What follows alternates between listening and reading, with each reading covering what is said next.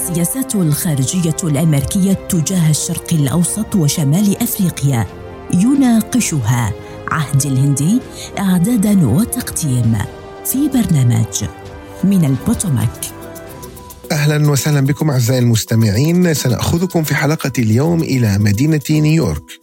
حيث آه، أسست منظمة أفكار بلا حدود من قبل الناشط الحقوقي العراقي الأمريكي فيصل المطار الذي قدم إلى الولايات المتحدة الأمريكية منذ سنين قليلة كلاجئ من العراق وعمل على تأسيس هذه المنظمة التي تعنى بتقوية التفكير النقدي عبر ترجمة الكتب إلى اللغة العربية ولغات أخرى. وعملت المنظمة على نشر ما يقارب 75 ألف كتاب بالإضافة إلى أكثر من 45 مليون كلمة تم ترجمتها من اللغة الإنجليزية ولغات أخرى إلى اللغة العربية والفارسية. وأيضا نشرت المنظمة ما يقارب 24 ألف مقالة في موسوعة ويكيبيديا. ولدى المنظمة شبكة من أكثر من 237 مترجم منتشرين حول العالم يعملون على ترجمة الأبحاث المختلفة. ضيفنا لحلقة هذا اليوم ومؤسس المنظمة ورئيسها الناشط الحقوقي العراقي فيصل المطار.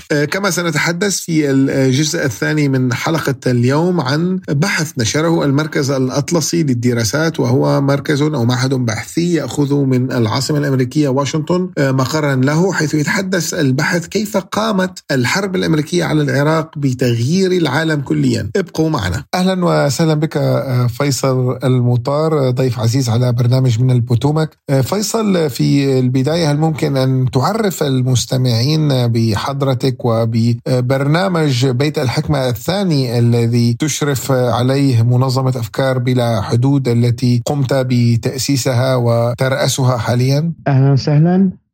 اسمي فيصل سعيد المطر أصلي من مواليد آه، محافظة بابل في وسط العراق وربيت في العاصمة بغداد. منظمة أفكار بلا حدود هي منظمة عالمية مقرها في ولاية نيويورك وفي فرع في أربيل في كردستان العراق. المنظمة مهمتها أنه جعل الغير متاحا متاحا من الكثير من المعلومات التي ليست موجودة في اللغات المتحدثة في الشرق الأوسط. من ضمنها اللغة العربية الكردية الفارسية والباشتو في أفغانستان. البرنامج الأكبر فيها هو برنامج بيت الحكمة الثاني اللي هو برنامج باسم آه، بيت الحكمة اللي هو مركز ثقافي في بغداد الذي كان آه، يقوم بترجمة الكتب والعديد من الأمور من اللغات الأخرى إلى اللغة العربية. فإحنا نحاول نعيد العصر التنويري اللي يمثله بيت الحكمة. أه، طيب فيصل أنا هون أه، أحب أن أسألك يعني هل وجودك في الولايات المتحدة الأمريكية مكنك من العمل على هذا المشروع المهم جدا للمنطقة؟ يعني لو كنت خارج الولايات المتحدة الأمريكية هل كان بإمكانك القيام بكل هذا؟ وجودي في أمريكا طبعا ساهم كثير في هذا الموضوع.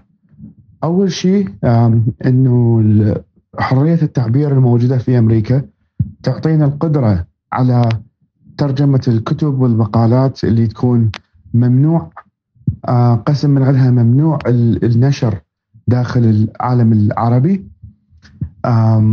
أيضا إنه هو موضوع الانتربرنور شيب انه إنه الشخص كشخص ممكن يصنع مشاريع بدون دعم حكومي وبدون البيروقراطية والخطوط الحمراء الموجودة في العالم العربي. جزء من المشاريع التي قمتم بها والتي قرأت عنها هي تشارككم مع الجامعات العراقية. وهذا أمر مهم يعني التشارك مع الجامعات آه، أن لا يتم حصر كل مناشيركم بالشبكة العنكبوتية وإنما التشارك مع مؤسسات تربوية هل ممكن إطلاعنا على هذا النوع من الشركات وهذا النوع من المشاريع الذي آه، تقومون به؟ مشروع برنامج جامعات العراق هو هو مشروع بالتعاون مع منظمة ويكيميديا وهي المنظمة الأم لمنظمة لويكيبيديا المشهورة آه، فقمنا بتدريب عدد كبير من الطلاب حوالي أكثر من ألف طالب وطالبة على آه، ترجمة المقالات وعلى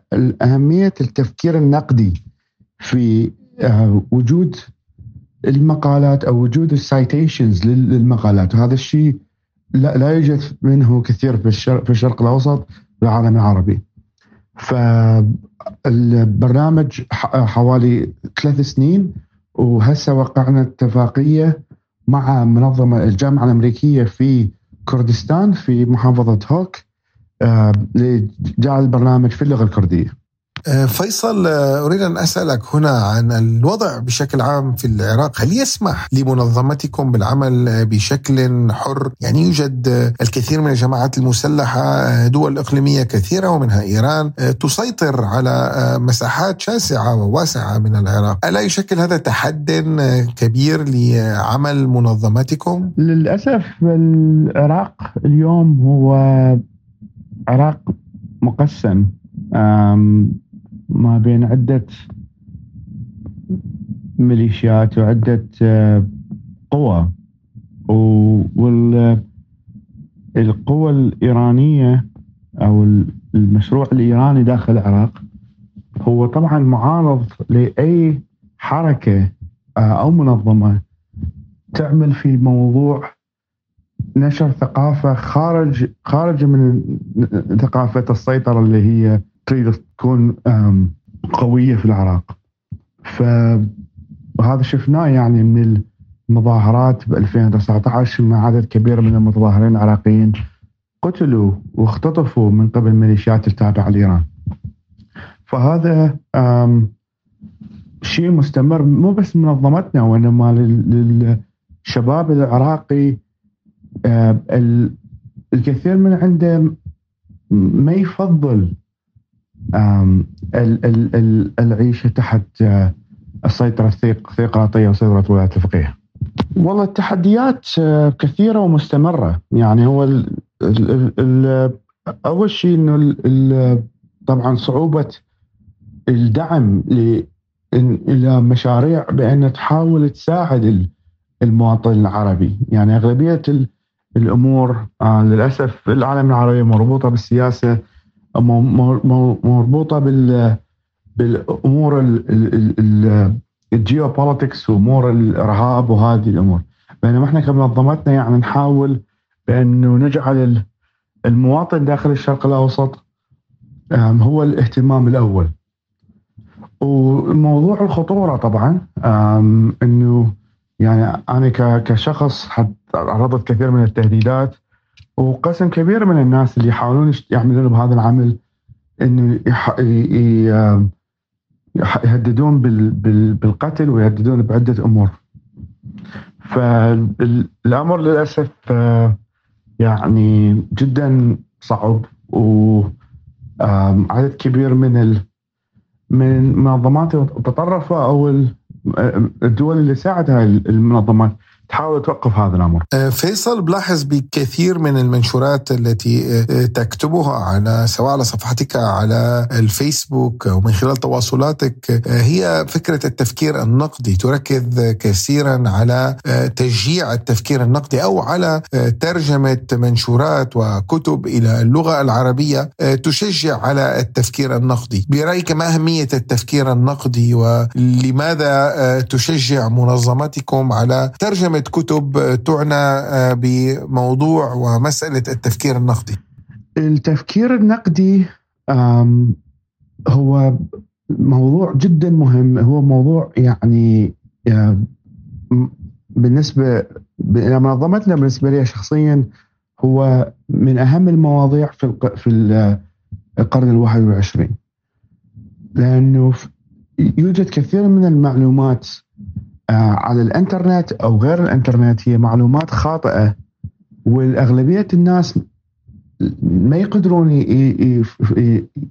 يعني يفرقون ما بين الحقيقة والخيال. فالتعليم التفكير النقدي هو تعليم إنه كيف إنه واحد ممكن يعرف الصح من الغلط. وما هي الأمور اللي تجعل المتطرفين أو الأنظمة السياسية بأن تسيطر على الشعوب من من عن طريق المعلومات وطريقة نشره انه إن لازم يكون هو موضوع لازم يكون ينطرح بطريقة سلسة اللي إحنا. نحاول نركز عليه فنحاول إنه عديد من من الفريق تبعنا عندهم خبرة بموضوع ال marketing وموضوع الاتصال مع ال مع ال audiences ومع الجماهير العربية خاصة الجماهير اللي أغلبية حياتها تكون على الإنترنت وهي وهي اعمارهم ما بين 15 إلى 30 وسبب غياب الأمر بأنه عدد كثير من المتطرفين أو الانظمه السياسية الشمولية تحاول إن تجعل الشعوب غير قادرة على التفكير حتى ممكن واحد يسيطر عليها. فهذا أعتقد هو سبب كبير للغياب والسبب الثاني إنه هذا الموضوع يعني جديد نوعا ما و لا يعني لا يوجد عليه خاصة باللغة العربية لا توجد عمل كثير بهذا الموضوع. هذا الشيء طبعا نحاول نغيره عن طريق المنظمة. أه، أريد أن أسألك فيصل عن أه، أن الولايات المتحدة الأمريكية وكيف يمكن للولايات المتحدة الأمريكية أن تدعم أه، المشروع التفكير النقدي أو نشر التفكير النقدي في المنطقة؟ أو دعم منظمتكم أو مشروعكم بشكل خاص؟ بالنسبة لل الحكومة الأمريكية أنه الجزء مهم من عملهم لازم يكون يركز على الناس الليبراليين الحقيقيين وليس الناس اللي بيكذبوا ويدعوا اسم الليبرالية والتفكير النقدي. للأسف من السنين القادمة الحكومة الأمريكية قامت بعمل مع كثير من الناس اللي ليس لديهم الخبرة وليس لهم ال ال ال العمل ال professional experience بانه يعملوا هيك موضوع بنطاق كبير. ف انه الأفضل بأن الحكومة تعمل مع ناس عندها خبرة خاصة خبرة خبرة بالمنطقة وخبرة في في العمل في هذا الموضوع. أه، فيصل خليني أسألك هل ما تقومون به وتغريد خارج السرب يعني أه، تتحدثون كثيرا عن نشر الليبرالية ونشر الفكر الفردي والحريات الفردية، ألا تعتقد بأن منطقة مثل الشرق الأوسط والتي تعلي من شأن الثقافة الجمعية والانتماء للقبيلة والعشيرة والعائلة من الصعب أن يتم نشر أفكار فردية للغاية أفكار آه، فيها الكثير من الثقافة الفردية ومن الأفكار الليبرالية.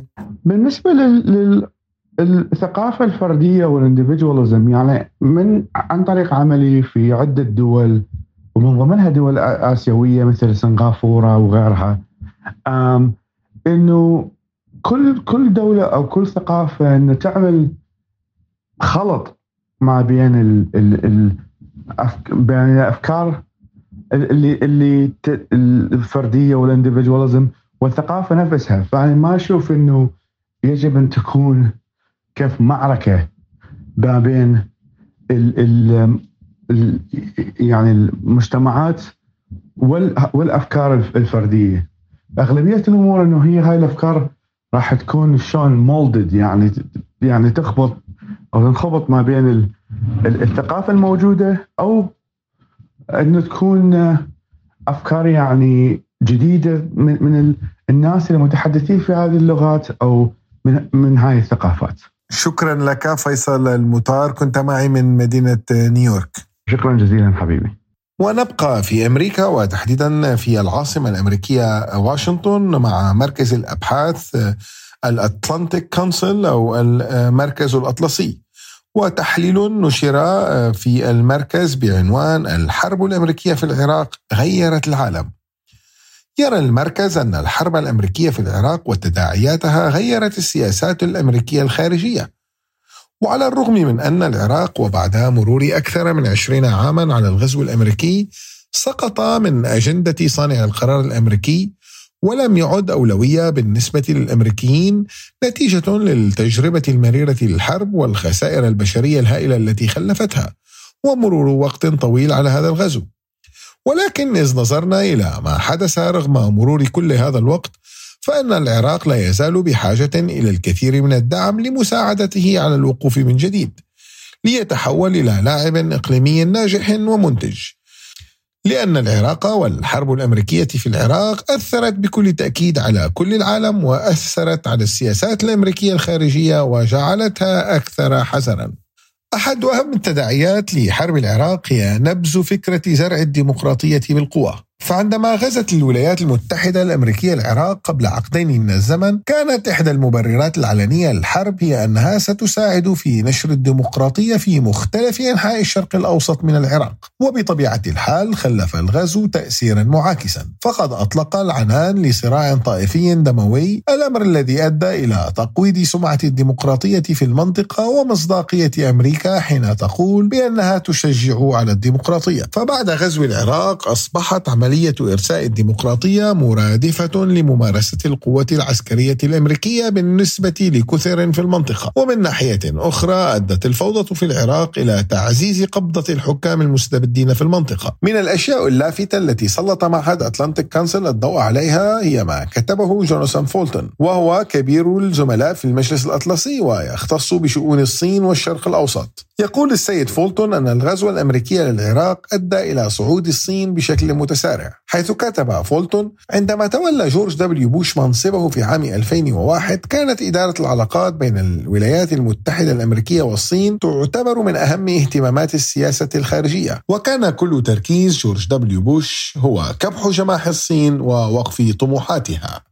ليفاجأ بأحداث الحادي عشر من سبتمبر التي أدت إلى خلط كل الأوراق على طاولة بوش. وبالتالي تحولت إدارته من التركيز على الصين إلى الشرق الأوسط وتحديدا العراق. فبعد هجمات الحادي عشر من سبتمبر أيلول شنت الولايات المتحدة الحرب العالمية على الإرهاب وأصبحت واشنطن تغرق في الحروب التي تلت ذلك في أفغانستان والعراق. ورغم أن الغزو الأمريكي للعراق أدى إلى تخفيف الضغوط المفروضة على الصين فإن القرار الذي اتخذته الولايات المتحدة بغزو العراق العراق أثار مخاوف جدية في بكين وأماكن أخرى. بشأن توجه النظام العالمي تحت قيادة الولايات المتحدة إلى مسألة مكافحة الإرهاب والتي أيدتها دول كثيرة حول العالم. فقيام أمريكا بمهاجمة حكومة ذات سيادة بهدف معلن لتغيير نظامها كان يشكل سابقة مثيرة للقلق بالنسبة للصين. الحرب في العراق أفادت الصين ولكنها أثارت مخاوفها أيضا، فالصين تفاجأت من استعداد الولايات المتحدة للانخراط في حرب كبرى للترويج للديمقراطية الغربية، وكان الافتراض الشائع آنذاك هو ان الحرب تهدف إلى الحفاظ على السيطرة على النفط العالمي واستخدام تلك الهيمنة لمنع الصين من الارتقاء إلى مكانة المنافس لأمريكا. هذه واحدة من تفسيرات الصين لهذه الحرب، وبالتالي منذ ذلك الحين طورت الصين أكبر قوة بحرية في العالم واستثمرت في الموانئ عبر منطقة المحيط الهندي من خلال مبادرة طريق الحرير البحري وزاد إنفاقها الدفاعي بخمسة أضعاف مما يجعلها اليوم ثاني أكبر منفق على الدفاع في منطقة المحيطين الهندي والهادئ بعد اليابان. فمنذ حرب العراق أصبح الشرق الأوسط موضع تركيز أكبر بكثير لدى السياسة الخارجية الصينية. فبالإضافة إلى بناء جيشها بدأت الصين في مناقشة الشؤون الأمنية والاستراتيجية مع موردي الطاقة في الشرق الأوسط وإجراء تدريبات مشتركة وبيع أنظمة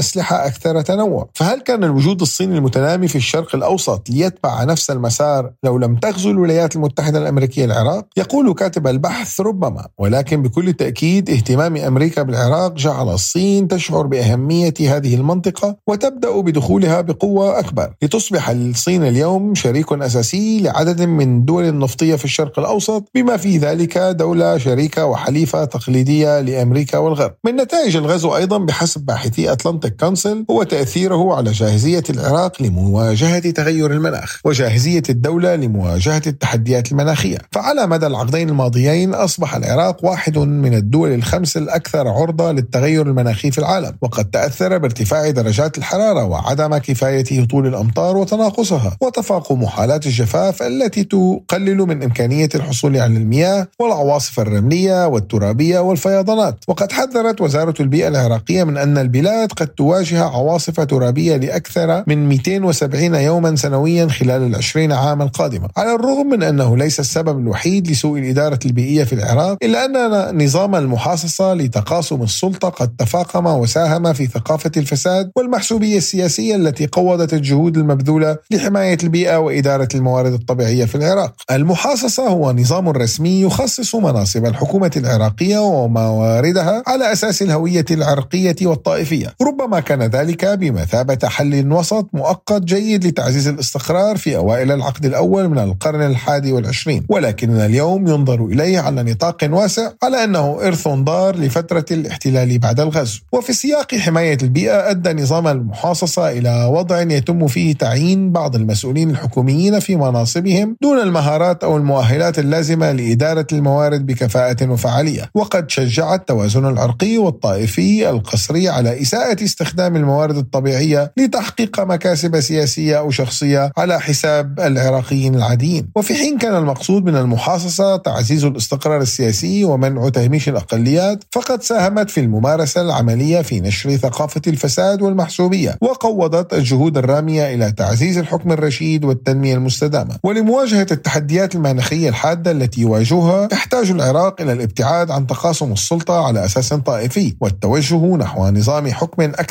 شمولا وقائم على الجدارة ويتعين على العراق أن يعمل على تعزيز نظامه البيئي والالتزام بالتنمية المستدامة وإدارة الموارد الطبيعية بشكل أفضل لصالح البلاد. وكجزء من الجهد العالمي للتخفيف من تغيير المناخ يمكن للمجتمع الدولي أن يلعب دورا هنا من خلال دعم المساعدة الفنية وبناء القدرات وتوفير الموارد المالية للمساعدة في معالجة هذه المخاوف على طول الطريق. نشر البحث باسم مسعود مستجابي وهو المدير المساعد لبرامج الشرق الأوسط في المجلس الأطلسي. مستمعينا الأكارم كنتم مع عهد الهندي وبرنامج من البوتوماك.